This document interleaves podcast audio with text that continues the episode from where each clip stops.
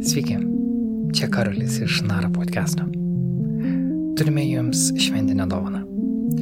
Įprastai epizodo pradžioje mėgstu jums pristatyti pašnekovus, papasakoti kažką apie juos, taip tarsi sudominti klausyti toliau. Šį kartą to daryti nesinori. Tiesiog pasakysiu, kad tai yra interviu su Jeva Krivickaitė ir kuo daugiau tu sužinai apie Jevos istoriją, tuo sunkiau patikėti, kad tokių žmonių būna.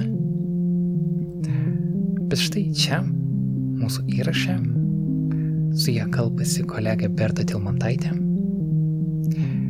Ir to pakanka. Anglų kalboje yra toks pasakymas life affirming, vertusi kaip patvirtinantis gyvenimą. Jėvos istorija turi tokį efektą ir mes tikimės, kad jis persiduos. Gero klausimo.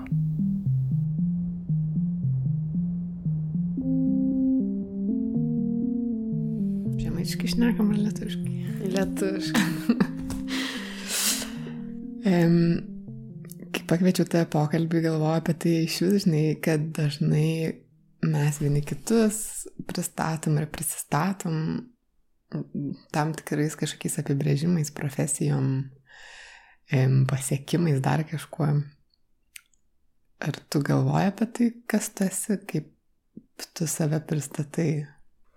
Negalvoju. Nu, kai būna, kad paklausia žmonės, tai tada, tada tenka pagalvoti, bet aš netradau turbūt žodžio, kuris apibrieštų gal mane, nes aš jaučiuosi visai daugiau nei kažkoks vienas vienas žodis, kuriuo galėčiau save apibūdinti.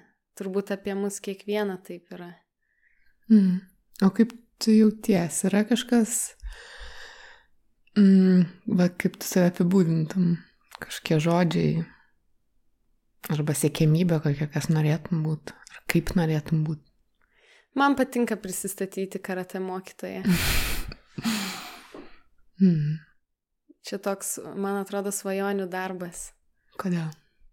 Nes labai gerai dirbti, aš jaučiuosi galinti pasidalinti tuom, ką aš žinau, kadangi dirbu su vaikais, tai tenka kūrybiškai labai žiūrėti į tą savo darbą ir kažkokius svarbius dalykus pasakyti paprastai ir jiems suprantamai.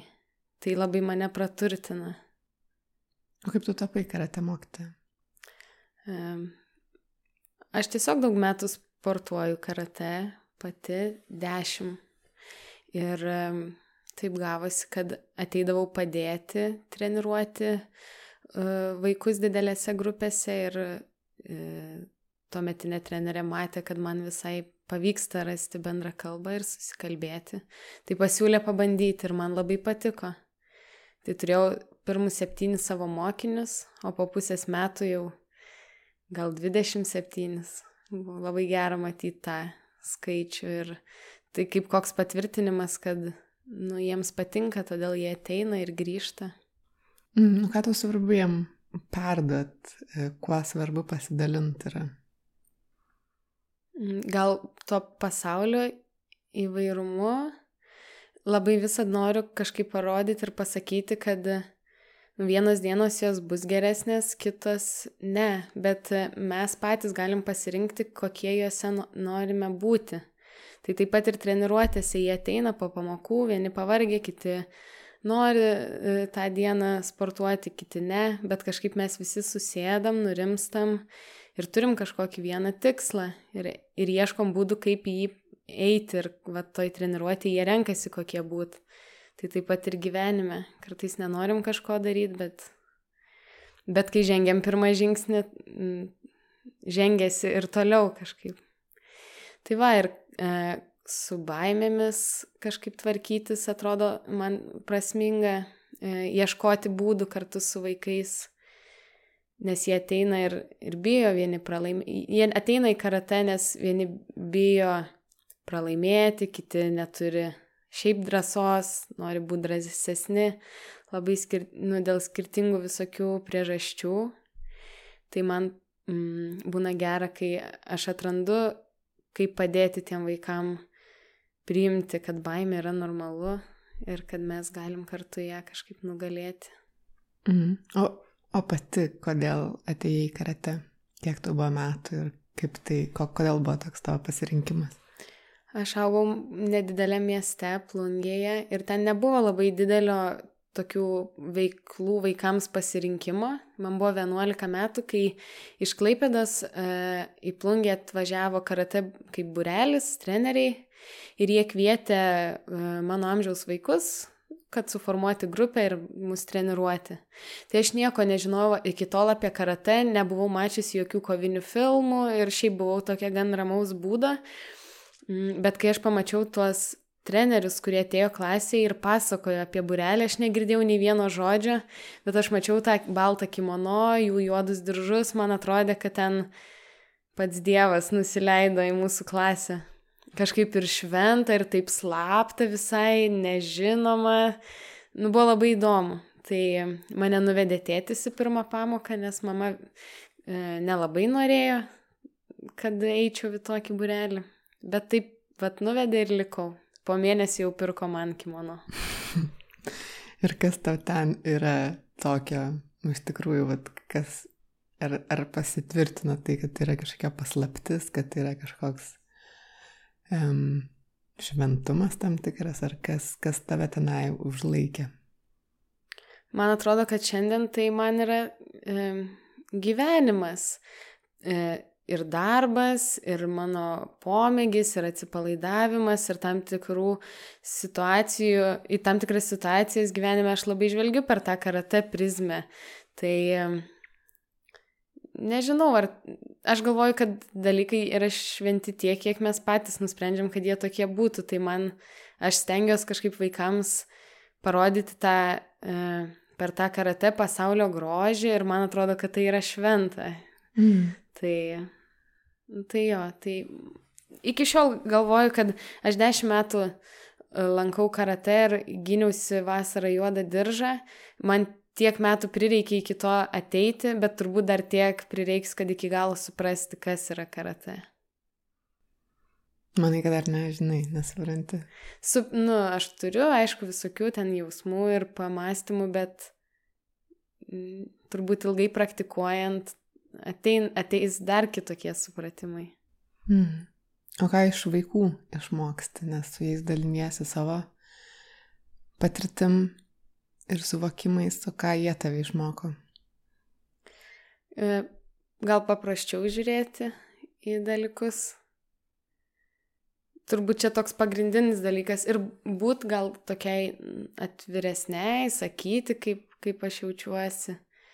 Tai su vaikais taip e, praktikuoju ir ilgainiui pavyksta ir su saugusiais ir matau, kad visai santyk, kuriant santykius pasiteisina.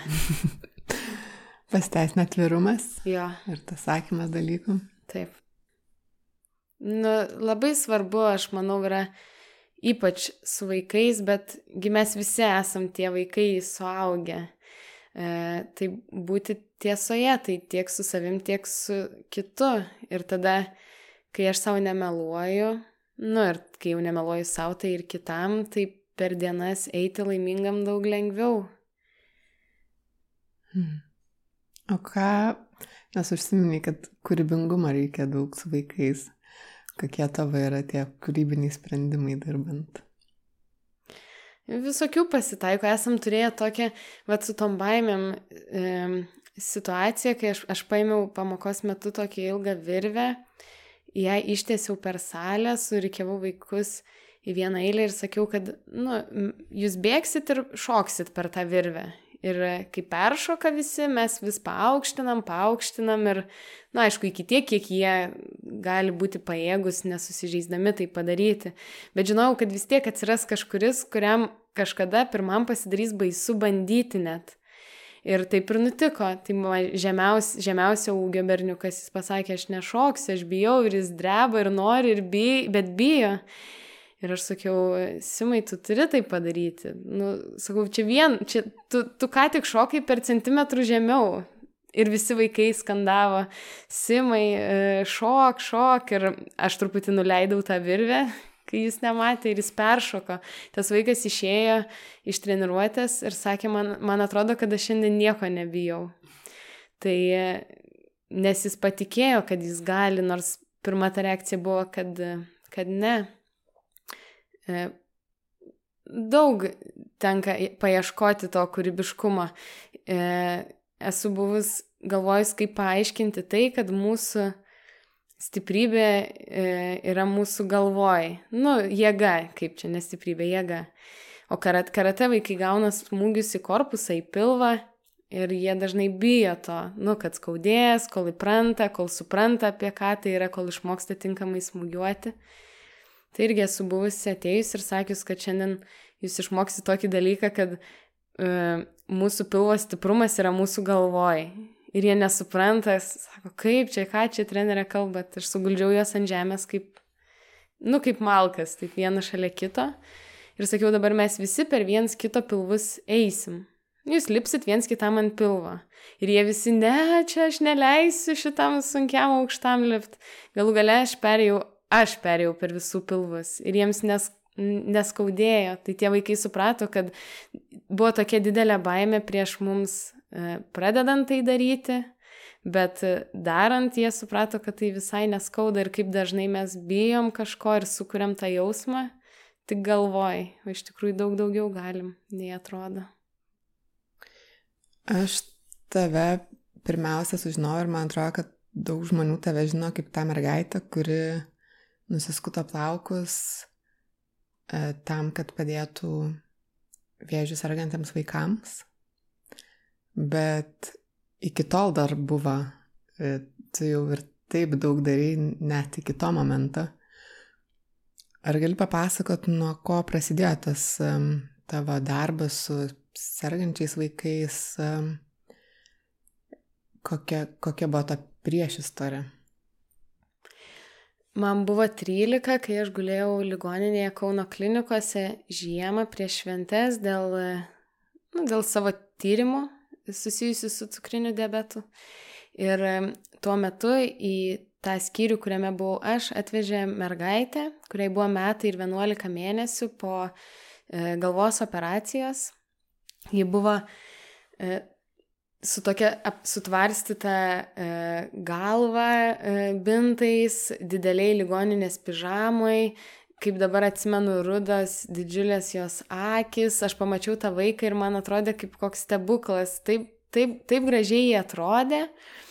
Ir kadangi prieš šventes visus vaikus tengiasi kuo daugiau išleisti į namus, tai mes skyriui ir buvom ten tik keli vaikai, aš susipažinau su e, Augustės mama ir jį papasakojo, kad jos dukrai galvoje yra auglys, kurį išoperavo ir taiko čia tam tikrą chemoterapinį gydimą, bet jis nėra veiksmingas ir kaip ir Lietuvoje padėti galimybės nėra. Tai man tai buvo kažkaip nesuvokiama, aš negalėjau suprasti, kaip tokiam gražiam mažam vaikui negali būti būda padėti. Tai ta mama užsiminė, kad turint tam tikrą didelę pinigų sumą, užsienį yra tam tikros gydimo alternatyvos, kurios galbūt augustai būtų veiksmingos. Tai nuo to ir prasidėjo mano savanorystė, kad aš grįžau namo, praleidusi gal porą savaičių su ta šeima ligoniniai ir negalėjau nustoti galvoti apie Augustę ir apie tai, kad jos gyvenimas yra pamatuotas kažkokia pinigų suma. Tai kaip aš supratau, e, būdama tokio amžiaus, aprašiau visą tą jų istoriją, turėjau Augustės nuotrauką ir e, per internetą, belsdamasi tiesiog į žmonių namus, plungė į bažnyčias, į bendruomenės, aš jau ir prašiau e, pagalbos tam vaikui. Mhm. Tai labai aiškiai atsimenu, kaip pirmą kartą turbūt, kai išėjau savo kaime rinkti pinigų, ir grįžau su 30 litų dar tuo metu.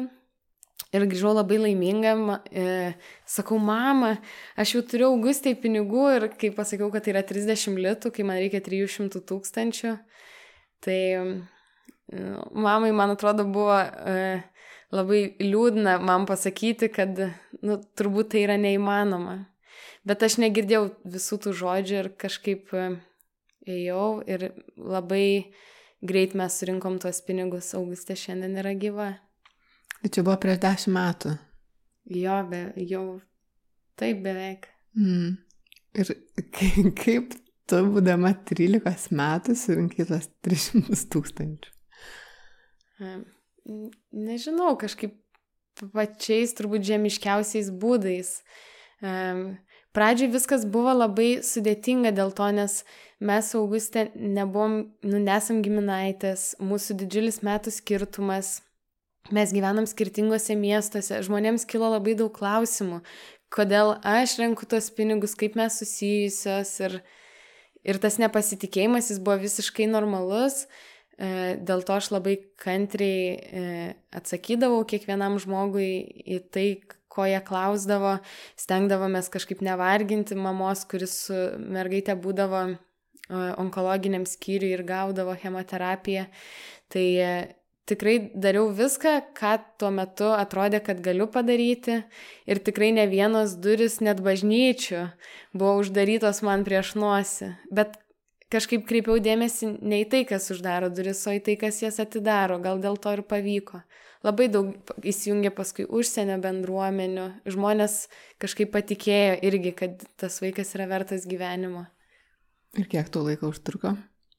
Gal porą mėnesių.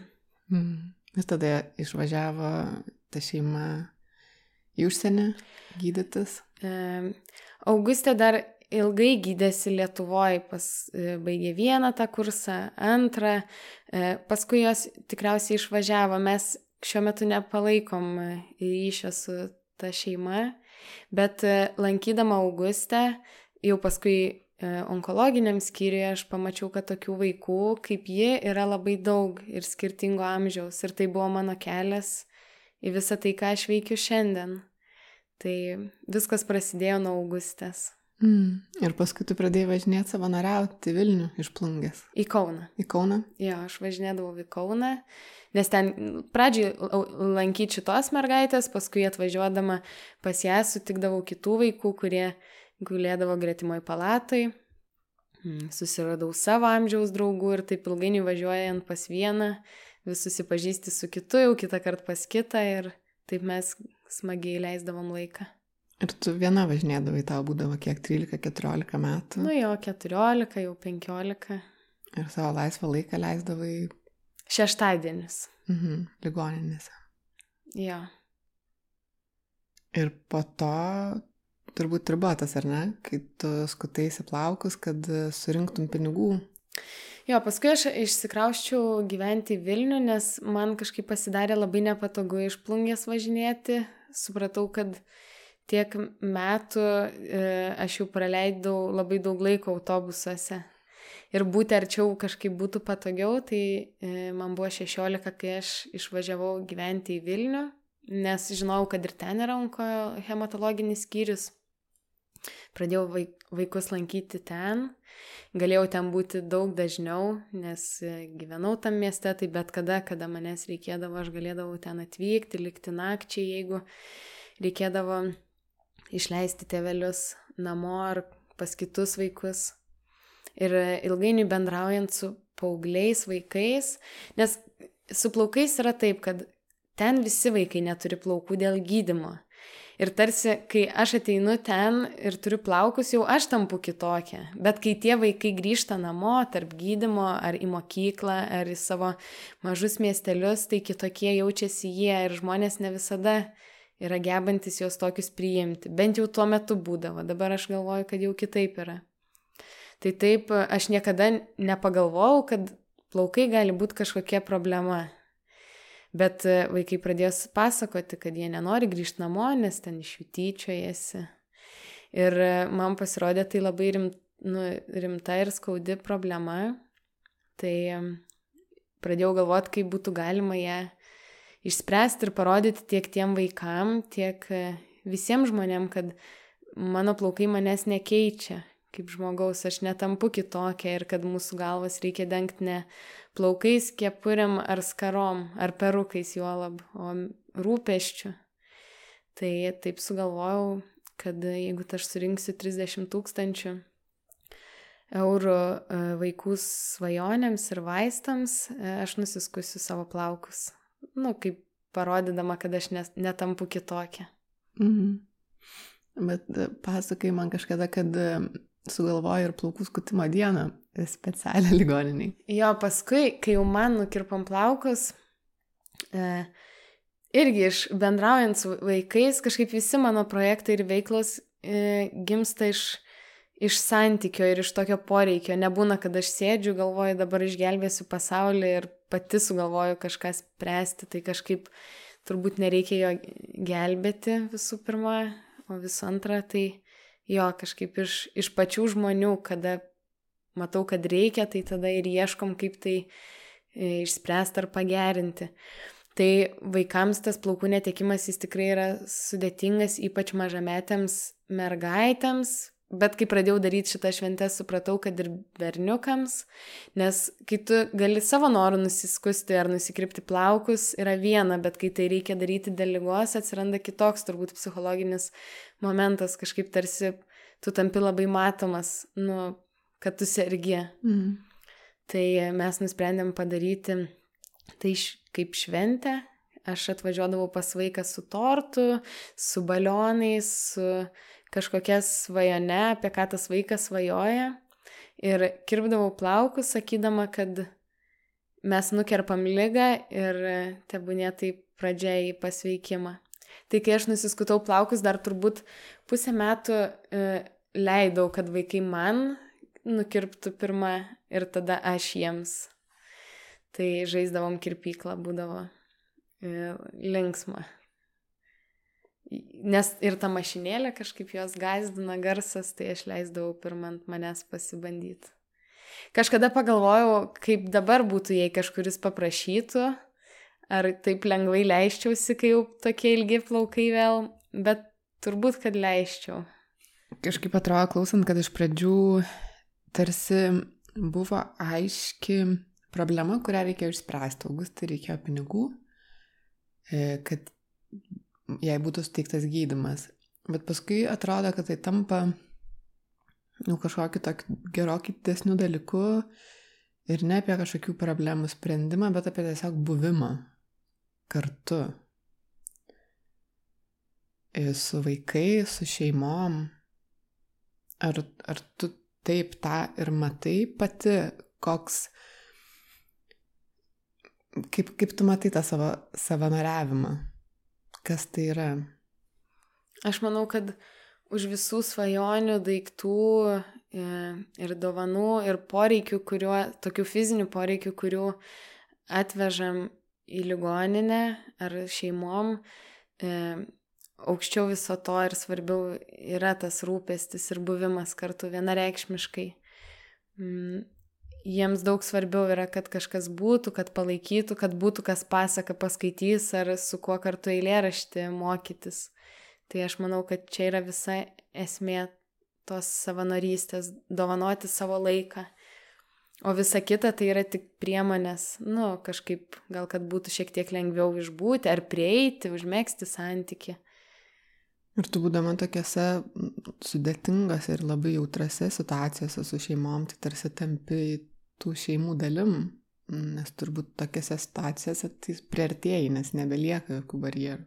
E, labai individualu yra šeimų, kurios labai arti prisileidžia, yra tokių, kurie nenori svetimo žmogaus savo palatoj.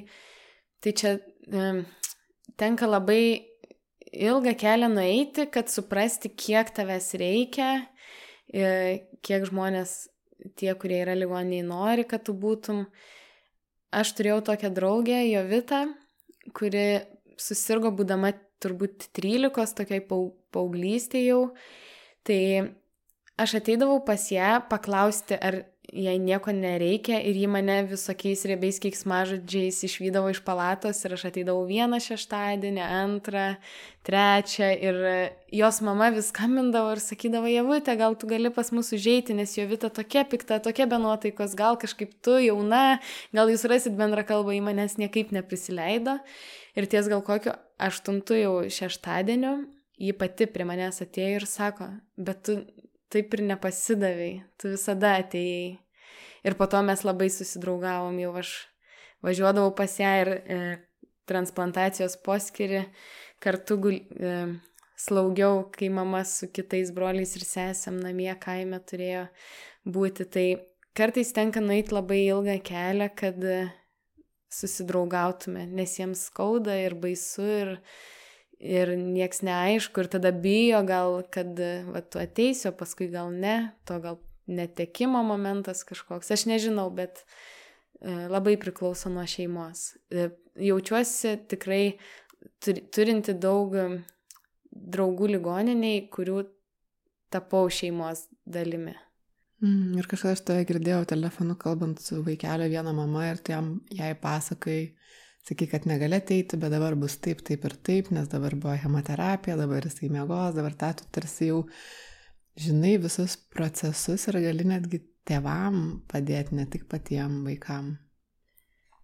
Nu, aš tikrai labai daug metų jau ten esu ir mačiau labai daug skirtingų sėkmės ir nesėkmės istorijų. Tai Jo, šiandien aš galiu patarti kai kuriem vaikam ar tėvam bandyti paieškoti būdų jiems nurimti. Nes kai nurimstam kažkaip lengviau ir kažkokius sprendimus priimti ir išbūti, tai stengiuosi tai daryti. Mm, bet kaip ir pasaky dabar, kad nu, neišveng, neišvengiamai yra ir tų nesėkmės istorijų ir nuolat turbūt patirit netektis ir ar, ar įmanoma kažkaip prie to priprasti, kaip tu išgyveni, išgyveni kiekvieną netekti, kaip tu matai mirti apskritai? Visada labai skauda. Nu, nes kažkaip tu netenki žmogaus, kurį myli. Tai aš tikrai palaidojau vaikų, su kuriais mes praleidom labai labai daug laiko ir turėjom labai artimą ryšį. Tai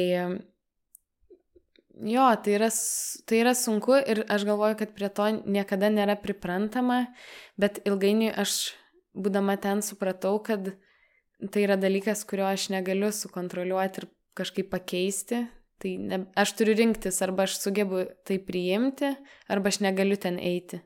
Nes atsirado toks jausmas, kai per mėnesį mirė gal šeši vaikai kad su septintu aš jau pati pasilaidosiu. Tai tada aš kažkaip labai aiškiai supratau, kad jeigu aš nusprendžiu čia būti, tai aš turiu būti neprisirišant prie to, kad mes dabar e, pasveiksis ir mes draugausim visada. Tai tas e, santykio nutrukimas, jis nebūtinai su mirtim gali baigtis. Yra tokių šeimų, kurio, kur, kuriuose vaikai pasveiksta ir jie nori pamiršti viską kas yra susijęs su lyga. Tai aš esu tiesioginis lygos priminimas, nes aš atsiradau tada, kai atsirado ta lyga, vat, jos paguldė ligoninė ir kitą dieną prisistačiau, kad noriu būti kartu, jeigu, jeigu to norit ir jūs. Tai pirmi tokie supratimai, kad e, šeimos iš to didelio patirto skausmo ir noro atsiriboti nuo to, jie nori atsiriboti ir nuo manęs, o aš tai myliu, jau jos man rūpi, noriu matyti, kaip jie auga. Tai buvo labai sunku, bet tada aš supratau, kad visgi mano tas pasirinkimas ir misija yra būti tol, kol reikia.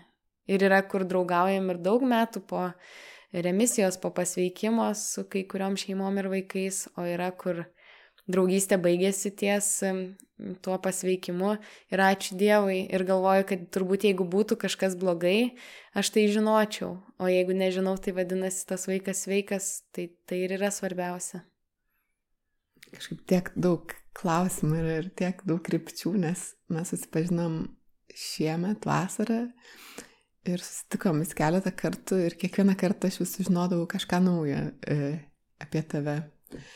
E, Ir ta istorija tiek supinta, tiek daug tų gyjų, kad net sunku atrodo nueiti nuo vienos, nes mes galėtume tęsti šitą dalį labai ilgai, bet, mm, bet tuo pačiu lygiai grečiai vyko ir vyksta ir kiti dalykai e, prie tavo savanoriavimo ligoniniai. Ir tu be viso to dar dirbi auklę vaikų, kurie serga cukriniu diabetu, kaip ir tu. ir dar globoji vaikus. Jo, aš dirbau, dirbau jau turbūt auklė, nes tie mano... Bet tie vaikai vis to skambina ir... Nu jo, bet jie jau užaugo, ypač dabar, kai karantinas, jau jie namie su tėveliais, bet taip atsikrauščius į Vilnių, mano pirmas darbas buvo um, auklės darbas, aš prižiūrėjau berniuką e, trijų metų rytą, kuris sirgo, serga cukriniu diabetu ir e, labai daug laiko praleidau su tuo vaiku ir jo tuo metu dar sveikų broliu. Prieš porą metų susirgo ir brolis. Tai mes tokie trys buvom jau diabetikai dabar. Jokaujam, kad, nu, trise lengviau tame būti turbūt. Ir koks buvo tas tavo darbas, tu turėjai padėti suprasti jam, Kas tai yra tas cukrinis diabetas? Ne, aš tiesiog, e, tėvai ieškojo žmogaus, kuris galėtų būti su, jo, su jų vaiku, nes ryto atsisakė rytą priimti į darželį dėl jo lygos. Tai e, tėvai norėjo, kad vaikas auktų tarp vaikų ir eitų į tą darželį bent kažkuriom dienom, kažkuria laiko dalį. Tai e, mano darbas atrodydavo taip, kad aš eidavau su rytu į darželį ir sėdėdavau pusę dienos rubinėliai, net nematydama to vaiko, dažnai per telefoną matydama jo cukraus kiekį kraujyje. E, ilgainiui, man atrodo, taip visi prato, kad aš sėdžiu toj rūbiniai, kad būdavo tėvai atveda vaikus ir net nepasisveikina. Nu, toks kaip ten spintelės, kėdutės mažos ir jėva. Ir aš taip, jo, ir aš atradau ilgainiui būdų nematomai įdėti rytų į burną saldainį, kai ten vyksta kažkokios užduotėlės, ar jie mokosi vaidinimą, arba prieiti ir nematomai suleisti jam vaistus, nes nu, tokia buvo mano misija, kažkaip netrukdant tam vaikui, netrukdant kitiem, sudaryti sąlygas jam būti. Ir jeigu kažkas nutiktų, ar kažkam manęs prireiktų. Tai tas gal per daug metų kiek penkis kokius, manęs taip iš tikrųjų prireikė, kur rytas pats nebūtų gal susitvarkęs kokius tris kartus. Tai aš kažkaip vienu metu pagavau save gėdijantis, kad aš dirbu tokį darbą, nu kad tai tarsi, va, jokie titulai ir aš tiesiog sėdžiu darželio rūbinėje ir ten, ir viskas. Ir... Bet tada aš supratau, kad turbūt nėra prasmingesnio darbo galėti būti vardan kito, kad jis galėtų aukti, gal jis kažkada išras vaistus užaugęs nuo debeto tik todėl, kad jis galėjo eiti į darželį ir išmokti raides jame. Tai tada pamačiau labai daug prasmės tame. Ir, nu, vasaromis tai leisdavom šiaip dieną, žaisdavom, veikdavom visokių dalykų ir e, šiandien rytas pats puikiai susitvarko su savo diabetu mokykloje ir pats susileidžia vaistukus ir suvalgo kiek reikia. Ir e, jis pirmoji klasėje nelabai mokėjo dar užsirišti batų, bet puikiai žinojo, kiek koks vaisius turi anglę vandenių. Tai džiaugiuosi galėjusi matyti, kaip auga toks nuostabus žmogus. Ir jūs vis dar bendraujate? Jo, mes esam kaimynai, tai ir bendraujam. E, apie lygą bendraujam mažiausiai. Tai jau tiek įprasta, kad jo, manau, ir tie vaikai labai drąsiai jaučiasi ir saugiai, nes jie žino, kad aš suprantu viską apie tai ir, ir nereikia niekam nieko aiškintis, viskas ir taip aišku. O gali papasakoti apie tą lygą, nes man atrodo, um, kad galbūt nepakankamai yra žinoma, kad ten tokia gal ir nelabai matoma lyga maišoma yra tas cukrinis diabetas B tipo, E, tavo yra kitas, e, koks yra gyvenimas, nes tai nepagydoma lyga. E, kada tau jį nustatė, kaip, kaip tai atsitiko ir kaip tu gyveni su juo? Aš susirgau cukriniu diabetu būdama trejų su pusė.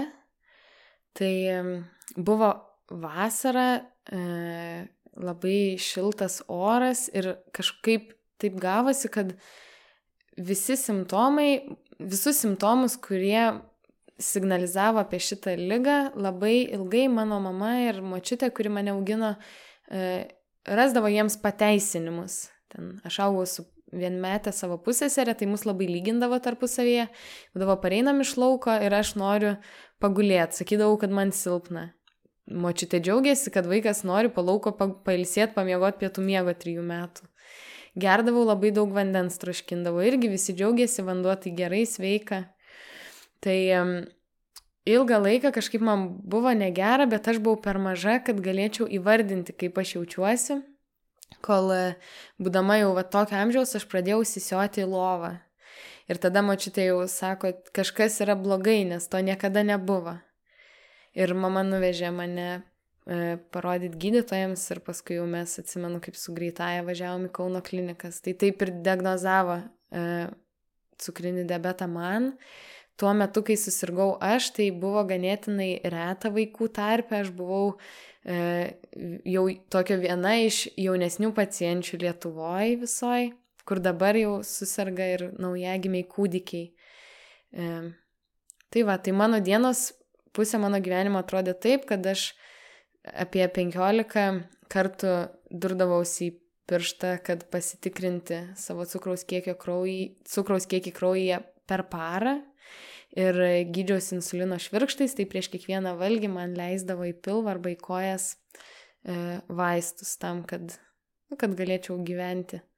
Tai e, labai natūraliai priemiau šituos visus dūrius, labai anksti išmokau pati tai daryti, man buvo visai įdomu e, pačiai e, mokėti susileisti. Mano tėtis labai kažkaip ypatingai man pateikė tą lygą ir nuolat man kartojo, kad viskas su tom yra gerai ir kad aš esu kitokia ir tai yra mano stiprybė, kad kiti neturi tokio cukraus matuoklio. Tai aš atėjau į pirmą klasę ir gyriausi visiems, kad aš turiu diabetą ir matuodavau cukrų draugam. Tai galvoju, kad tai man labai padėjo kažkaip atsipalaiduoti šitoj lygoj, nes dabar aš sutinku vaikų, kurie atsisako valgyti tam, kad nereikėtų jiems leistis vaistų.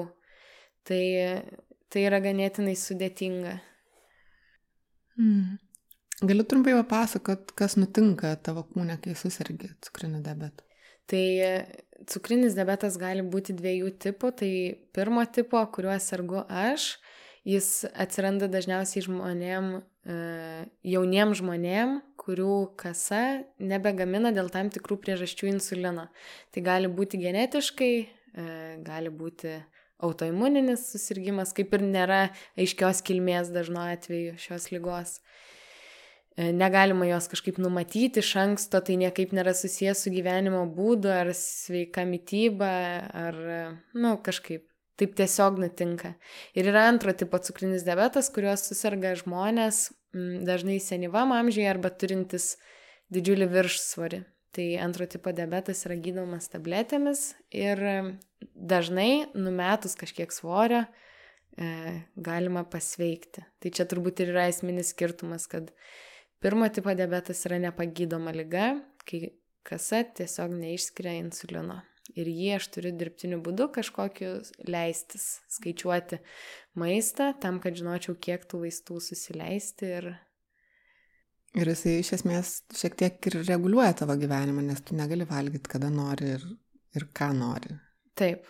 Nu, Jo, kai, sus, kai aš susirgau, mano šeimai atrodė, kad mes niekada nebegalėsime eiti į parduotuvę, nes nieko negalima valgyti. Toks, toks būna tas jausmas, nes tikrai atrodo ir to negalima, ir to, ir ano. Bet dabar aš suprantu, kad valgyti galima viską ir ypač būdamas su rytu, nes jam mes e, leisdavom tikrai viską valgyti. Bet ilgainiui tu supranti, kad yra maistas, kurio valgyti nereikėtų. Nes nu, tu gali rinktis ir valgyti jį, bet paskui blogai jaustis. Arba gali kažkaip ieškoti alternatyvų.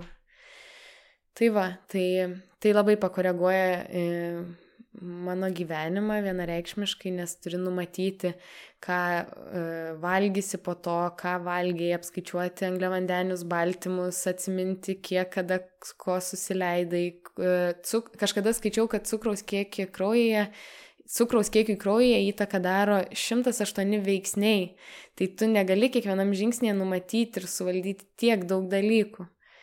Tai, tai va, tai kartais gali labai labai stengtis, bet vis tiek nėra gerai.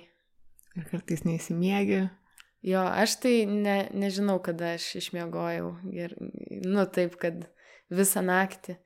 nes nuolat tenka keltis. Tai jeigu aš galėčiau nesikelti, bet jeigu mano cukrus visą naktį bus uh, aukštas, aš ryte negalėsiu eiti į darbą. Tai aš, ne, nu, nes man bus tiesiog bloga. Tai kai aš buvau vaikas, keldavosi mano mama, kad aš galėčiau ryte eiti į mokyklą ir kažkaip gerai jaustis. Tai dabar aš darau tai pati ir tai daro turbūt visi, kas gyvena su cukriniu diabetu. Bet dabar tu švirksų nebenaudoji, bet tavo kūne yra... Insulino pompa. Mhm. Ir kaip jinai veikia? Tai, tai yra toks mažas aparatėlis, kuris yra suprogramuotas pagal man asmeniškai reikiamas vaistų dozes, kurios gali kisti uh, nu, kas savaitę, kas tris dienas, kas mėnesį, priklausomai nuo oro, menulio, nežinau, turbūt irgi nuo 108 veiksnių. Tai tai aišku palengvina e, visą, visą, dalyk, visą lygos valdymą e, labai smarkiai, nes nebelieka visų tų daugybės durų, to nuolatinio žymėjimas į sąsiuvinius, kada ko kiek valgiai. E, kada aš gyvenau su švirkštais, man reikėdavo tam tikrų metų būtinai valgyti. Dabar aš galiu nevalgyti visą parą, jeigu aš nenoriu, nes mano insulino pompa suleidžia vaistų tiek, kiek reikia, nepriklausomai nuo to, ar aš valgau ar ne. Tai, tai, tai labai palengvino mano kasdienybę. Netrukdo karate, e, varžybas arba praktikavime? Trukdo, e, aišku, trukdo, bet e, nėra kito pasirinkimo tai aš galiu rinktis nesportuoti arba, arba sportuoti su pompa. Tai renkuosi tai. E, ieškau būdų, kaip patogiai ją kažkaip laikyti, kaip saugoti kateterius. Aš galvoju, vat, kai einu kovoti, kad mano varžovės svarsto ir visą dėmesį sutelkia į tai, kaip saugoti savo galvą. Aš visada svarstau, kaip saugoti savo kateterius. Pirmoji vietoje vis tiek. Taip, taip yra jau.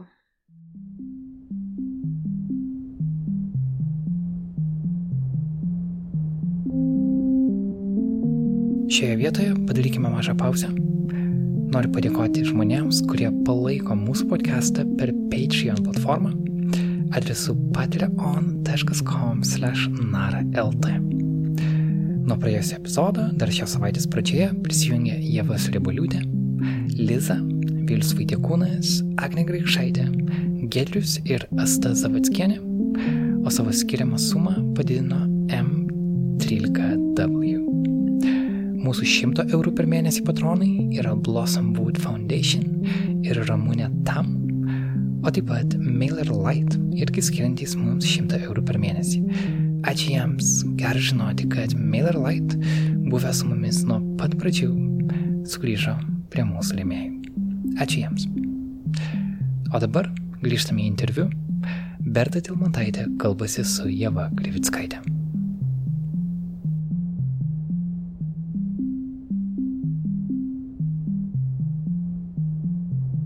Tu kai atvažiavai į Vilnių, tau buvo 16. Tu atvažiavai ir iš karto dėjai dirbti? Ar mokysi? Aš e, baiginėjau 11-12 klases Vilniuje, profesinėje mokykloje ir šalia po pamokų dirbdavau su rytu. Ir kaip tavo šitą apsisprendimą, apskritai tavo važinėjimą išplungęs į Kauną prieš tai ir tavo apsisprendimą išvažiuoti Vilnių mokytis ir gyventi ir dirbti priėmė tavo šeima? E, visaip. Kai aš pradėjau važinėti į Kauną, tai atėmė tikrai labai nemažai mano laiko. Nesvarbu, kad aš fiziškai ligoniniai būdavau tik šeštadieniais, bet aš grįždavau su visom tom vaikų istorijom, svajonėm, skausmais, liūdėsiais ir džiaugsmais į namus ir aš tom gyvendavau ir planuodavau jau kitam šeštadieniui į, į priekį. Tai ilgainiui pradėjo prastėti mano pažymiai, pradėjau norėti praleisti treniruotės, nes man atrodė prasminga važiuoti ten. Ir, ir prasminga, ir smagu buvo, tikrai. Aš lankiau vaikus, kurie buvo mano amžiaus, tai mes ten visiškai smagiai leisdavom laiką, kai jie gerai jausdavosi, žaisdavom stalo žaidimus, gamindavom pizzas, nu, bet ką, ką aš galėčiau veikti namie su draugais. Tai mano mamai labai nepatiko tai, kad mano pažymiai nėra tokie geri. Pradėjo neleisti man važiuoti, bet aš vis tiek išvažiuodavau, kažkaip atrasdavau būdų tai padaryti ir mes labai susipykdavom. Tai esu labai dėkinga savo mamai, kad kažkada ji suprato, kad nepaisant to, ar, aš, ar ji mane išleis ar ne, aš vis tiek išvažiuosiu, tik skirtumas bus vienintelis toks, kad įvyks konfliktas arba ne. Tai mamos meilė buvo uh, stipresnė už principą neleisti. Tai taip pat buvo ir su Vilnium. Kai aš pasakiau, kad aš nuo kitų metų išvažiuoju į Vilnių, mama galvojo, kad juokauju. Tai sakė, gerai. Bet kai suprato, kad aš iš tikrųjų išvažiuoju, tai buvo sudėtinga susitarti. Paskui palaikė. Ir kaip laukus kirpausi. Su visais mano projektais ir veiklom, pirma tokia reakcija būna dažnai gal iš noro apsaugoti, e, ganėtinai piktybinę, bet paskui jie vis tiek palaiko. Taigi tai mama. Mm. O tėtis tavo? Mano tėtis mirė, kai man buvo 11. Bet jis atrodo buvo tas, kuris tau kažkaip parodė galbūt, nežinau, netikėtai šiek tiek ir tavo lygą ir galbūt daugiau dalykų. Jo, turėjau stiprų ryšį su savo tėčiu, mes jo labai staigiai netekom, jis sirgo E, gal pusę metų ir per tos pusę metų jį lyga suvalgė. Tai jam buvo labai negera ir aš, ir visai mūsų šeimai buvo negera. Mama labai sirgo depresija ir po to ir daug laiko leisdavo su juo ligoniniai. Ta pusę metų aš tokia užaugau pati viena ir man buvo ganėtinai keista, nes aš buvau tas vaikas, kur dėl kiekvieno kasnio turėdavau atsiklausti, ar galima. Ir jeigu mama paskambindavo, tai nuolat pirmas klausimas, koks tavo cukrus, kaip jautiesi. Nu, natūralu. Ir kada susirgo tėtis, man mama nebeskambindavo tiesiog, nežinojo, koks mano cukrus, kaip aš jaučiuosi, nes jai pačiai buvo labai negera ir sunku ir liūdna. Tai, tai jo, tai kažkaip labai skaudi buvo tėčio netektis, bet jaučiuosi labai apdovanota, kad net 11 metų galėjau aukti šalia jo. Ir e, aš atsimenu jį, nu, dar taip iš vaiko e, perspektyvos būtų labai įdomu dabar jį su juo pasikalbėti, nes manau, kad dar kitaip girdėčiau dalykus.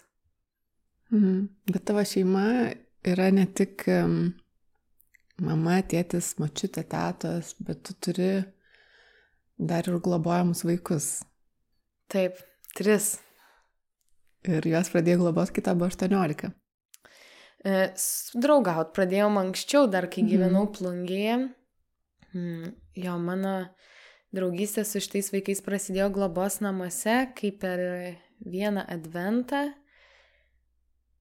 galvoju, prieš turbūt septynis metus, nes Vaidai dabar yra dešimt, tai jai buvo trys, kai mes susitikom jo, tai prieš septynis metus per adventą aš vežiau į plungės vaikų namus obolių vaikams veždavau. Ir kažkaip auklėtojas leido ateiti grupę pačiai padalinti. Ir ten, nežinau, ar esi buvęs vaikų namuose, bet dabar jų nebėra tiesa, bet kai būdavo, tai tu įeini ir visi tie maži vaikai, jie bėga ir nori, kad tu kažkurį pakeltum. Ir aš atėjau su to maišo baliu, visi jų pribėgo ir už visų toliausiai stovėjo Vaida. Ji nebėgo, nekėlė rankų, nenorėjo būti pakelta. Man sakė, kad ji nešneka. Jie ką tik buvo paimti nuo mamos, sakė, jinai nekalba. Kai aš kalbindavau, jis su manim kalbėdavosi. Tai aš kažkaip pamačiau tą vaiką ir supratau, kad čia yra mano vaikas buvo labai keista, nes aš buvau labai jauna ir labai, nu daug, visi tie vaikai ten mėly ir gražus, bet va, toks nepaaiškinamas ryšys buvo šitai mergaitai, paskui sužinau, kad ji turi mažesnį brolį ir taip pradėjau pas juos ateiti. Ir ateidavau dažnai po pamokų, kai turėdavau laiko į darželį, nes jie į darželį. Nieko nežinojau apie jų šeimą, apie jų praeitį, kodėl jie yra čia. Ir kai man suėjo 18, Aš jau gyvenau Vilniuje, aš supratau, kad aš jų labai pasilgstu ir kad norėčiau juos matyti dažniau. parašiau prašymą globai, bet negavau jos dėl to, nes tuo metu, kai aš parašiau prašymą, tokį pat prašymą parašė jų tikroji mama, kuri grįžo iš įkalinimo įstaigos ir vaikučius gražino mamai. Ir tada dar sužinojom, kad yra vyresnė sesė, kurią augino tėtis, bet atsisakė auginti kitus du vaikus. Tai dabar vaikai auga su mama, e, plungiai, bet atostogas ir kai kuriuos savaitgalius mes leidžiam kartu. Mums e, suteikia tokią galimybę. Mhm. Tai tu turi daug vaikų, turi šituos vaikus, turi vaikus ligoninėse, turi vaikus sergančius. Nu, bet jie ne mano. Šitie tai yra mano toks džiaugsmas. Su jais nėra lengva, jie yra iš sunkios aplinkos ir vaikų namai suformavo tą įprotį kovoti dėl meilės ir dėl kiekvieno kasnio. Tai kada jie yra trys ir atvažiuoja pas mane, tai ganėtinai būna sudėtinga viską padalinti po lygiai ir kažkaip mm, aš juos priimu tokius, kokie jie yra, bet aplinka, kurioje mes būnam, jie atvažiuoja ir nebūtinai visada moka tinkamai elgtis, kai mes būnam parke ar tarp žmonių. Jie moka labai negražių keiksmažodžių, kuriuos natūralu, kai tu namie var kalbi ir tai yra nu, taip įprasta, kad atvažiavus į Vilnių, nors jie žino, kad tai nėra e, man priimtina, bet nėra taip lengva jų atsisakyti savo kalboj. Ir tada žmonės man sako, kaip tu juos gali atsivežti, jie tokie nedėkingi, kaip jie elgesi. Bet aš žinau visą platesnį vaizdą ir visą priešistorę. Ir kai myli, tai turbūt ir tie keiksmažodžiai taip nebesigirdi. Tai mes labai mokomės irgi su jais kaip būti šitam pasauliu taikiai ir kad jis labai didelis ir platus ir spalvotas. Ir be viso to tu dar turi savo viešąją įstaigą, kuri vadinasi ne apie mane, kur rinki paramą ir padedi vienplungiai virš 20 šeimų, um, Vilniui taip pat ar ne kitose miestuose.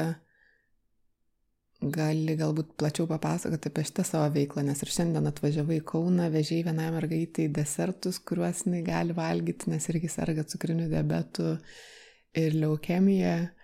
Ehm, kažkada kartu su tam buvau plungiai, ten vežiai daiktus šeimom, kurios nukentėjo nuo gaisro ehm, ir padedi tai šeimai Uždengti namų stogą? Uždengiam. Taip, jau turi stogą, nebelyja jau, ačiū Dievui, viskas gerai. Jo, tai ne apie mane mes esam tokia jau turbūt bendruomenė, nes aš esu tik jau paskutinė grandis, viską padaro žmonės, kurie nori prisidėti, kurie aukoja, kurie dovanoja reikiamus daiktus, vat, savo laiką, kaip tu, kai vežiai mane pas, pas tą šeimas. Tai Tai aš manau, kad tai yra ne apie mane, bet ir apie mus visus tuo pačiu. Ir apie tuos, kuriems reikia pagalbos, ir apie tuos, kurie norim padėti. Tai mes padedam sergantiems, kurstantiems, meilės ir maisto stokojantiems vaikams. Daug įvairių iniciatyvų vykdom ir labai džiaugiuosi, kad pavyksta kažkaip padėti ir atsiranda šeimų, kuriams daug metų padedam ir jie sako, mums nebereikia pagalbos, dabar mes norim kažkom pasidalinti. Tai labai įkvepia. Ir dabar turbūt gana sudėtingas tas šventinis laikotarpis, intensyvus turėtų būti. Jo, nes šiaip dauguma tų šeimų, kurioms padedam, jos yra rizikos grupėje. Nu, ten pradedant visom, visomis ligoninėmis ir panašiai, tai tikrai turim daug veiklos, pradedant maisto vežimu į onkologinį skyrių, nes e, kada vaikas atsigula dabar gydimui į ligoninę, tai jis laugantis tėtis arba mama su vaiku iš palatos negali išeiti visą gydimo laiką, tai gali užtrukti ir mėnesį, ir du, ir tris.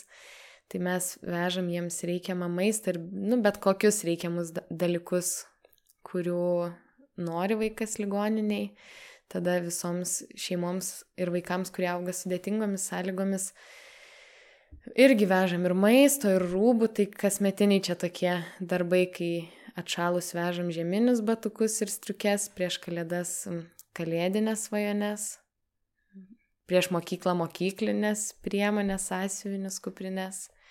Tai jau tai darom daug metų ir žmonės labai noriai prisideda. Ir kalėdas visą laiką praleidai važinėdama. Kūčias jo. Per kūčias išvežiojam jų viską jau nuo ryto iki vakaro. Dažniausiai e, apie šimtą vaikų kartais būna. Aišku, šeimose auga ne po vieną ir ne po du, bet e, jau kažkaip mano šeima yra susitaikę, kad aš nebūsiu prie to kučių stalo, nes esu kitur. Nors pradžiai buvo ganėtinai daug konfliktų irgi dėl to. Tai, tai, tai ne iš šeimos atėjo, tai nebuvo kažkoks um, iš tėvų perimtas noras uh, kažką veikti, savanoriauti. Tai buvo iš kažkur tavo pačios gelmės iškilęs. Ir dar turėjai pakovoti su tėvais dėl to. Nu, dabar jau jie padeda man, jau dabar jie savanoriauja. Aš kai, kai nėra kam padėti, tai jau mama uh, bambėdama, bet veža. Pikdama, bet jo, paskui jau džiaugiasi, kad galėjo kažką irgi padaryti uh, dėl kito. Tai nežinau, iš kur tai atėjo. Gal jeigu nebūčiau mačiusi tada ligoniniai, visų tų vaikų ir istorijų gal niekada ir nebūtų atėję. Aš tiesiog atsidūriau tinkamu laiku, tinkamai vietai. Ir, ir taip jau nutiko. Nors pati galėtum prašyti pagalbos dėl cukrinio diabeto ir apsunkinta šiek tiek gyvenimo. Galėčiau, bet jaučiuosi galinti padėti. Kai širdis pilna, tai duodanti ji netamp, duodama ji netampa skurdesnė. Tai aš kažkaip galvoju, kaip tą savo širdį pildyt, kad tik jie galėtų dalintis. Ir kaip pildai? Nu, visokiais smagiais dalykais. Mokaus groti kankliam, e, karate. O kodėl kankliam? Iš kur atsirado kanklis? Nežinau, tiesiog taip sugalvojau ir viskas. E, kad aš blogai matau, tai kad kažkaip galvojau, kad koks instrumentas būtų tinkamas ir kuriam mažiausiai reikėtų akių. Tai atrodė, kad gal visai kanklės yra tai. Ir patinka. Ir dabar kanklių neturi šiuo metu, bet mokėsi vis tiek, nes pati pasidarai. Iš stalčiaus pasidariau kanklės. Bet neskamba jos, tai vis tiek smagu yra. Man, man patinka mokytis kažkokių naujų dalykų, o kanklės yra tai, kas, nu, kas ir, ir gražu, gaun, gaun, rezultate yra gražu. Tai džiaugiuosi šituo atradimu. Ir tu užsiminėjai apie savo matymą ir nematymą. Mes, kai susipažinom šiemet vasarą, sėdėjom prie ežero, buvo daugiau žmonių ir jie nuėjo į šoną ir sėdėjo šalia manęs ir mūsų tas toks, mes prieš tai pasisveikinom, bet toks mūsų pirmas pokalbis prasidėjo nuo to, kad tu manęs paklausai, ar didelis ežeras. Ir aš sekundę sustingau, nes mes sėdėjom prie pat, prie pat ežero ir aš mačiau, kad kažkas galbūt akim tavo yra negerai, bet iš to, kaip tu, ką tu veiki, kaip tu elgiesi, kaip tu būni, netrodė, kad yra taip blogai, kad tu nematai tą ežerą, prie kurio mes sėdim. Tai kas tau, kas tau nutiko ir kiek tu matai ir kaip tu matai? E, sunkiai matau jau ketvirtą žiemą. Šiemet yra ketvirta žiema. E, turėjau labai aukštą temperatūrą, e, sirgdama gripu ir laiku nepra, nepasirūpinau savim, turbūt taip. Aukštą cukrų šalia viso to, kas pažeidė mano e, akies kraujagyslės ir nervus Dėl to šiandien aš matau labai sunkiai. Bet e, užtektinai, kad galėčiau pasirūpinti savim ir kitais. Tai tas, tas džiugina. Pradžia nebuvo lengva, nes e, aš visada mačiau puikiai, niekada nenešiau vakinių. E, tai nematyti, net nerasti savo namuose daiktų, kurie atrodo nu, įprasta, kur jie yra, kai matai, tai net negalvoji. Tai aš nerasdavau batų, keptuvės ar, nu, rūbų savo. Negalėdavau nueiti į autobusų stotelę. Viskas atrodė labai sudėtinga. Atrodė, kad iš vis iš namų negalėsiu išeiti. Bet dabar puikiausiai vaikštau pati. Tai Kokiu principu tu orientuojasi ir vaikštai? Tai e, nėra, kad aš visai nematyčiau, aš vis tiek matau tą vaizdą artimo atstumu e, gerokai išsiliejusi, tolumoje jau negaliu matyti. E, einant būna pavojinga visokie borteliai, laiptai, ypatingai nežinomų kelių. E, tais keliais, kuriais aš vaikštau Vilniuje, aš einu drąsiai dėl to, nes esu susiskaičiavusi žingsnius. E, ilgainiui atsiranda viduj toks ritmas net ėjimo ir man, pradžioj man reikėdavo eiti ir mintise iš tikrųjų skaičiuoti. Dabar aš galiu e, galvoti visai kitus dalykus ir eiti ir aš žinau, kad va, tuo metu aš turiu sustoti, nes čia yra gatvė. Tai negaliu to paaiškinti, turbūt bet koks silpnaregis ar prastai matantis žmogus jaučiasi panašiai. E, viena gydytoja man pasakė, kad žmonės, kurie blogai mato, jie jaučia labai daug įtampos ir visada yra labai įsitempę. Ir aš tada supratau, kad iš tikrųjų, nu, kai tu nematai, tu jauties labai nesaugiai, nes atrodo, kad visas pasaulis toks pavojingas. Ir aš pradėjau ieškoti būdų, kaip atsipalaiduoti.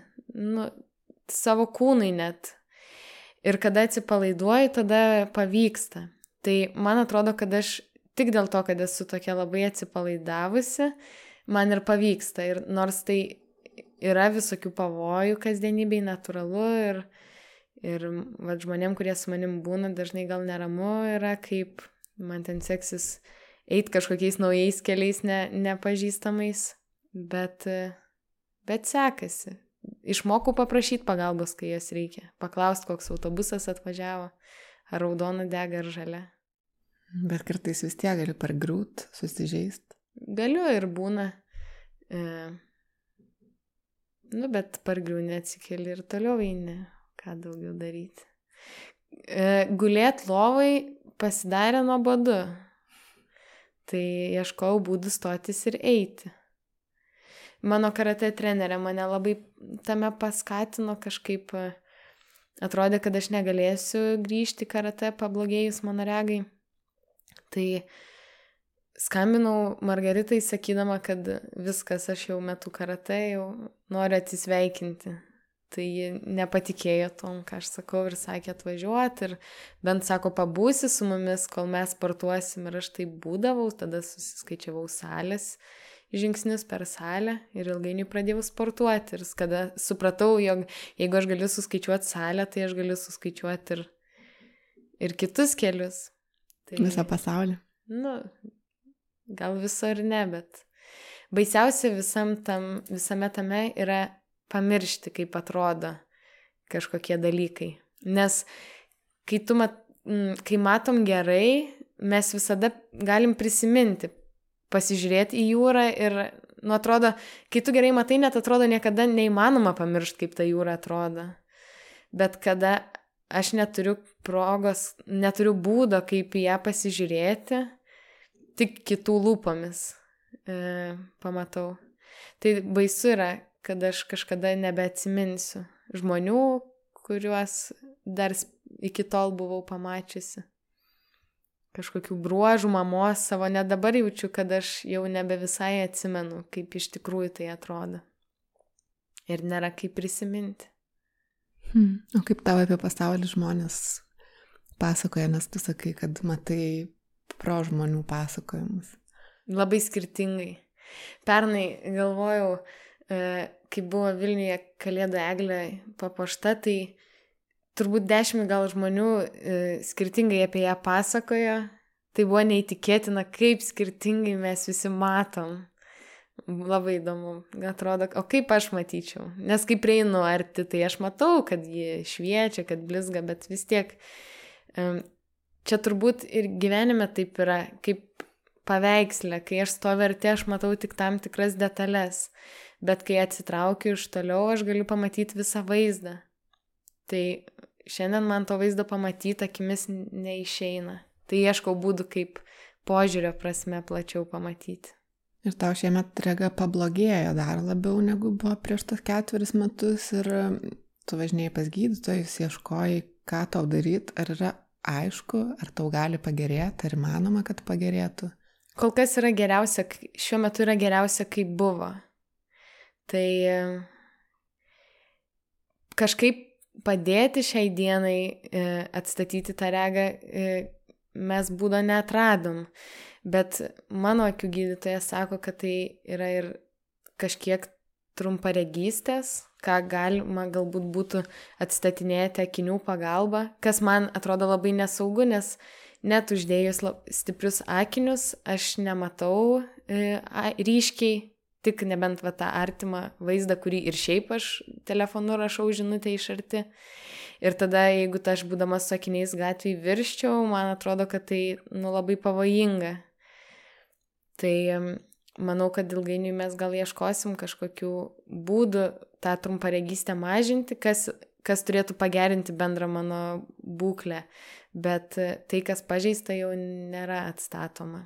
Bet nepaisant to, tu vis tiek grįžai į karate ir neseniai dalyvavai varžybose ir tiesiai darbą su vaikais, nors negali jų matyti. Kaip tai pakeitė tavo santyki tavo, tavo kaip mokytojas karate ir vaikų? E, labai nepakeitė, nes kurį laiką aš nevedžiau pamokų, kada grįžau tiem vaikam, kuriuos aš tuo metu mokiau, nes tada aš neturėjau tiek daug mokinių, kiek jų turiu dabar. Tai aš jiems kažkaip kantriai bandžiau paaiškinti, kad mano akis serga ir man yra sunku ir tikrai vaikai labai tolerantiškai ir empatiškai žiūrėjo visą šitą situaciją ir aš jiems sakiau, kad aš negaliu pamatyti kiekvienos jų klaidos, kad, kad ją mes kart, jas kartu ištaisytume, bet jeigu tie stengsis patys, mes tikrai kažkaip nebūsim prastesni karatistai už kitus. Tada po kiek laiko jie pradėjo tikrinti, kiek aš nematau. Būdavo, sako, atsimenu, vienas vaikas, e, trenerė žaidžia maklą vištą. Kitas vaikas sako, haha, vieną jau turim. tai aš suprantu, kad jie juokiasi ne iš pikto, bet dėl to, nes aš pati apie tai pajokauju. E, nes taip yra, aš negaliu to pakeisti taip pat, kaip negaliu pakeisti tų mirštančių vaikų likimo, bet ieškojau būdų, kaip tai priimti ir dabar būna ir pikta, ir liūdna, ir baisu, ir neramu visai yra. Bet e, išbūnu tame ir pavyksta net blogai matant akimis pamatyti gražius dalykus dienose.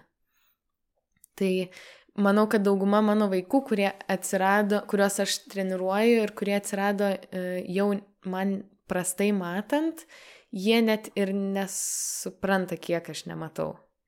Nes turi būti ganėtinai atidus, kad pamatytum. Man atrodo, kad aš jau esu gerai įvaldžiusi. Sakai, ir diržą juodą išsilaikiai, kad nelabai kas suprato, jog nematai. Jo, aš taip galvoju. Tai, nu, tas nematai, man nori sakyti, kad aš matau, nes aš vis dar matau. Mm. Manau, kad aš mat, nu, nebus, kad nematysiu jau blogiau. Tai, tai tiek, kiek aš matau, e, ne kiekvienas supranta, kiek. Tai gal dėl to ir gerai, ir, ir lengviau. Nes tada žmonės yra kažkaip linkę gailėti arba liūdėti dėl to, bet at, ir su tom varžybom buvo taip, kad aš jaučiau tokį nerimą, kuris pas mane atėjo nuo mano aplinkos. Dėl to ne žmonės artimi, kurie supranta, kas yra karate varžybos, jie tikrai pergyveno, žinodami mano situaciją ir iš irgi rūpeščio noro apsaugoti bet jie nežino, kaip yra nematyti, nes tai yra visai kitaip. Kai aš gerai mačiau, aš niekada neįsivaizdavau, kad va toks yra tai jausmas. To neįmanoma patirti. Tai aš kitaip matau tą pasaulį, tiesiog kitaip jį jaučiu. Dėl to, nes, nu, taip mano akims nutiko. Bet kartais nešioja ženklelį, kad kur, kur, kur užs... Būna sunku poliklinikose ar ten kokiose kavinėse, nu, būdavo iki, kai būdavo daug žmonių visur. Tai man ne visada lengva susigaudyti, kur daug žmonių, kur nežinoma vieta ir aš esu viena. Tai tada gali žmogus ir kažkaip pastumti ir pasakyti negražiai. Tai tada aš būna turiu jo, kad, kad žinotų. Jog aš ne, ne šiaip svajoju. O kas tam parašyta? Kad jeigu tu gali tai perskaityti, vadinasi, matai geriau nei aš. Tai ačiū už kantrybę. O kas dar be kanklių tave džiugina, kokių turi svajonių ir norų? Nežinau, mane džiugina tai, ką aš veikiu. Kažkaip renkuosi daryti tuos dalykus savo dienose, kuriuose man gera. Tai negali visada būti vien tik džiaugsme. Natūralu, kad visai aš jaučiuosi. Bet šiaip kažkaip atrodo, kad laimingai gyvenu. Pasakai kažkada apie keliones, dar kaip buvo galima keliauti ir kaip net nelabai matydama skriejai paspirtuku. Jo, elektriniu. Tai aš su savo akim darau, prakt... nu, turbūt nėra dalyko, kurio aš nedarau, nu, kurio aš atsisakyčiau daryti, jeigu aš noriu ir vat, pagalvočiau, vat, jeigu aš matyčiau, tai daryčiau. Nėra tokios minties, aš vasarą mokiausi veik parke, plaukti. Tai buvo labai sunku ir beproto baisu, bet ir toks geras jausmas tuo pačiu. Ir riedlentę važiuoti mokiausi, mo, mokausi. E, tai yra tam tikros ap, nu, apsunkintos tos aplinkybės, nes jeigu aš važiuoju Vingio parke riedlentę, aš pirmą turiu apeiti tą ratą aplink ir patikrinti, ar nėra prikritusių kankorėžių. Ir vis tiek visada yra rizika, kad man, važi, kol aš apvažiuosiu tą ratą, kažkas ten užmes tą kankorėžį arba akmenį ir aš už jo užkliūsiu. Bet nu, visada yra už ko užkliūti gyvenime. Tai turbūt visada verta pabandyti. Ir koks buvo tas mokymasis veik parke? Aš atvažiavau, kai pirmą kartą atvažiavau, aš pasakiau tam instruktoriui, kur, kur mo, kuris mane mokino, kad aš labai prastai matau, nu ir tiesiog jaučiuosi nesaugiai dėl to, bet labai noriu. Tai jis sako, nieko tokio, viskas gerai čia, kaip ir nereikia labai matyti. Ir aš įlipu į vandenį ir Tada jis man sako, tai va ten, kai nuplauksi, yra tie du medžiai ir tu turi tarp tų medžių sukti lentą ratu. Ir aš tada suprantu, kad jis nesupranta, ką reiškia aš labai nematau, nes aš nematau nei tų medžių, nei visų tų e, figūrų, kurios yra pakeliui e, ir į kurias gali įplaukti. Tai tiesiog plaukiau ir tikėjausi, kad tos medžius pamatysiu. Ir pamačiau, kai jau buvau arti. Tai buvo labai baisu, bet e, ieškojau būdų irgi, kaip, kaip, kur man būtų saugiausia tai daryti. Ir yra visokiausių galimybių šalmais sausiniam, kur kalba tau jaus ir pasako, kur, kur suktis, kur kliūtis. Tai ten iš vis e, galėjau atsipalaiduoti ir, ir plaukti. Tai taip visur ieškau, kaip man būtų patogu. Mhm. Turi dabar kažkokių svajonių ar norų? Ne. Viską turi. Viską turi. O kaip tau gyvenasi šituo tokiu apsudėtingintų pandemijos laikotarpiu, nes um, tu sakai, kad ir kai tau pradėjo prastėti antrakis regėjimas antrakimi, negalėjai pakliūti pas gydytojus dėl viruso um, ir su darbu sudėtingiau, nes dar be viso to, ką mes jau paminėjom, tai dar ir mokyklai dirbai. Taip? Ja. Um, ir eidavai pamokas pradinių klasę, ar ne, padėti e, vienam iš moksleivių? Mm, jo, mokytojas padėjo, aš dirbau dviejose klasėse, šalia vaikų, kuriems sunku dirbti komandoje. Mm. Tai tavo tos visos veiklos jos susijusios su bendravimu, su vaikais. Kaip tau jaučiasi ar kaip tau gyvenasi prasidėjus šitam keistam laikotarpiu pavasarį? Per pirmą karantiną buvo tikrai labai keista, nes aš nebedirbau niekur, nevedžiau treniruočių karate per nuotolį, kažkaip atsisakiau to saugodama irgi save, kad man atrodė, kad man bus kažkaip nepatogu su mano akimis, kad aš nesugebėsiu gal to daryti, vaikams paaiškinti visų tų pratimų ir tai aš tikrai daug laiko buvau namie, buvau viena ir ir buvo ir keista, ir neramu, ir labai neaišku, kas čia vyksta, turbūt kaip ir mums kiekvienam, bet gal lengviau buvo tai, kad buvo pavasaris ir dienos ilgėjo, buvo kažkaip šviesu, aš eidavau į mišką ar į parką šalia namų ir kažkaip tas laikas jis ėjo visai kitaip nei dabar, nes dabar tai aš dirbau iki pat va, pradinuko atostogų ir kai visoje Lietuvoje jau įstatymas primtas, jog negalima susitikti daugiau nei dviem žmonėm, aš kasdien sutikdavau daugiau nei 40 vaikų. Dėl to, nes aš einu į dvi skirtingas klases ir tie vaikai ateina iš savo šeimų, tai tokie buvo įvairūs jausmai, bet supratau, kad tai man net kažkaip dėl to, kad ėjau į tą darbą, net visai pa, pa, nepajaučiau, kad jau tiek laiko yra šitas karantinas.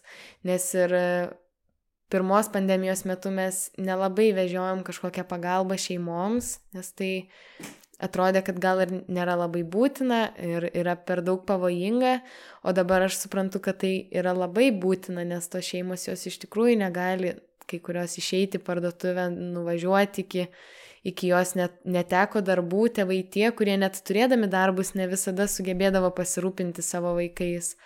Tai dabar labai aktyvus tas karantinas ir tenka be kontakčių saugių būdų pristatinėti ir maistą, ir rūbus, ir pagalbą, ir kažkaip palaikyti žmonės, bendrauti su jais daug, nes jie tikrai praleidžia ištisas dienas namie, kur nebūtinai visose namuose yra saugu ir gera bendraujant su tavim nuolat jautės ramybė. Bet tu įdomiai pasaky, kad um, nematantys žmonės tarsi nujaučia labai daug nerimo. Pas tave aš jo niekada nematau ir nejaučiu. Atrodo, kad visą laiką kaip tik yra daug ramybės ir um, um, sakai, kad at, at, ieškai tų būdų atsipalaiduoti ir, ir ramiau viską žiūrėti. Gal gali pasidalinti, kokie yra tie būdai, gal kažkam pravers? Mm, kvepuoti. Giliai kvepuoti. Kai baisu ir neramu, tai čia pirmas žingsnis į nusiraminimą. Aš atsimenu, kai aš atėjau į pirmą savo kanklių pamoką ir tada atėjau į antrą Ir toje antroje pamokoje aš galėjau pagroti viską, ką mes mokėmės pirmoje. Ir mano mokytė sako, kaip gerai, va tu čia namie mokėsi. Ir aš sakau, ne, aš neturiu kanklių namie, tai aš, aš tiesiog atsimenu. Sakau, kaip tu gali atsiminti, aš tiek daug tau naujų, naujos informacijos papasakojau. Tai aš tada supratau, kad va, tas nematymas, gal tas prastas matymas, jis man, mane išmokė mm, būti labai susitelkusi tai, ką dabar darau. Būti atidžiai.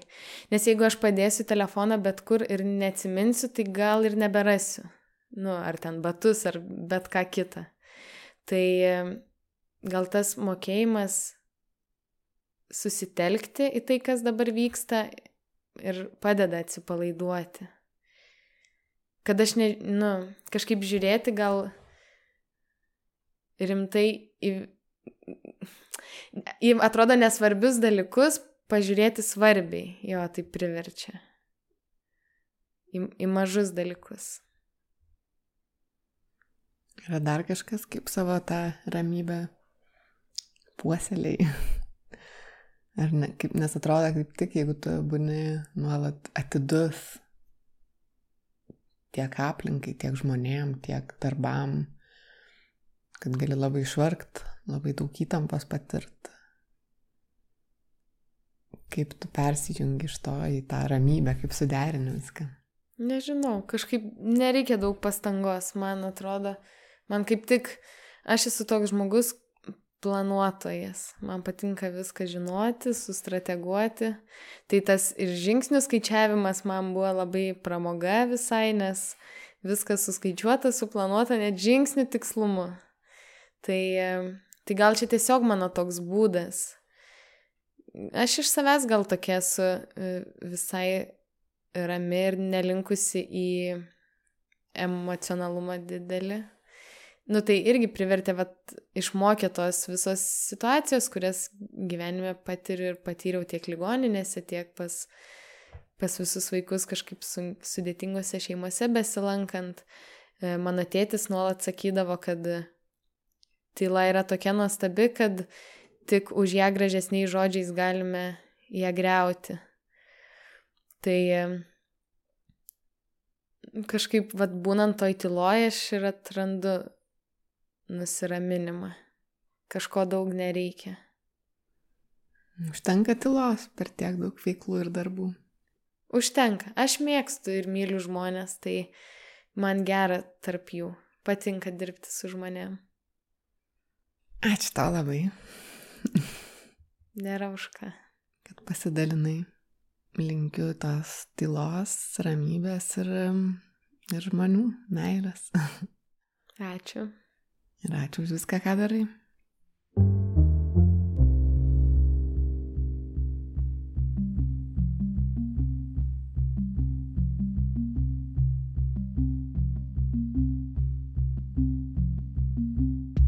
Toks mūsų epizodas šiandien. Ačiū, kad buvote kartu. Su Jeva Klivickaitė, viešosios įstaigos Ne apie mane vadove, kalbėjosi kolegė Berta Tilmantaitė. Tinklalapyje NAR.lt pamatykite Jevos fotografijas. Jas taip pat galite rasti mūsų Instagram profilyje. Ačiū Karoliui Pilypui Litkevičiui už įrašo redagavimą ir Martinui Gailiui, kurio muziką girdite NAR podcastuose. Ir žinoma, ačiū Jums tie, kurie palaiko mūsų darbą per Patreon, patreon.com slash nara.lt. Jūs mums leidžiat 2021 pasitikti daug ramiau. Tikiuosi, kad esate sveiki, tokiais ir likite, saugokite vieni kitus. Gražių Jums švenčių. Iki greito.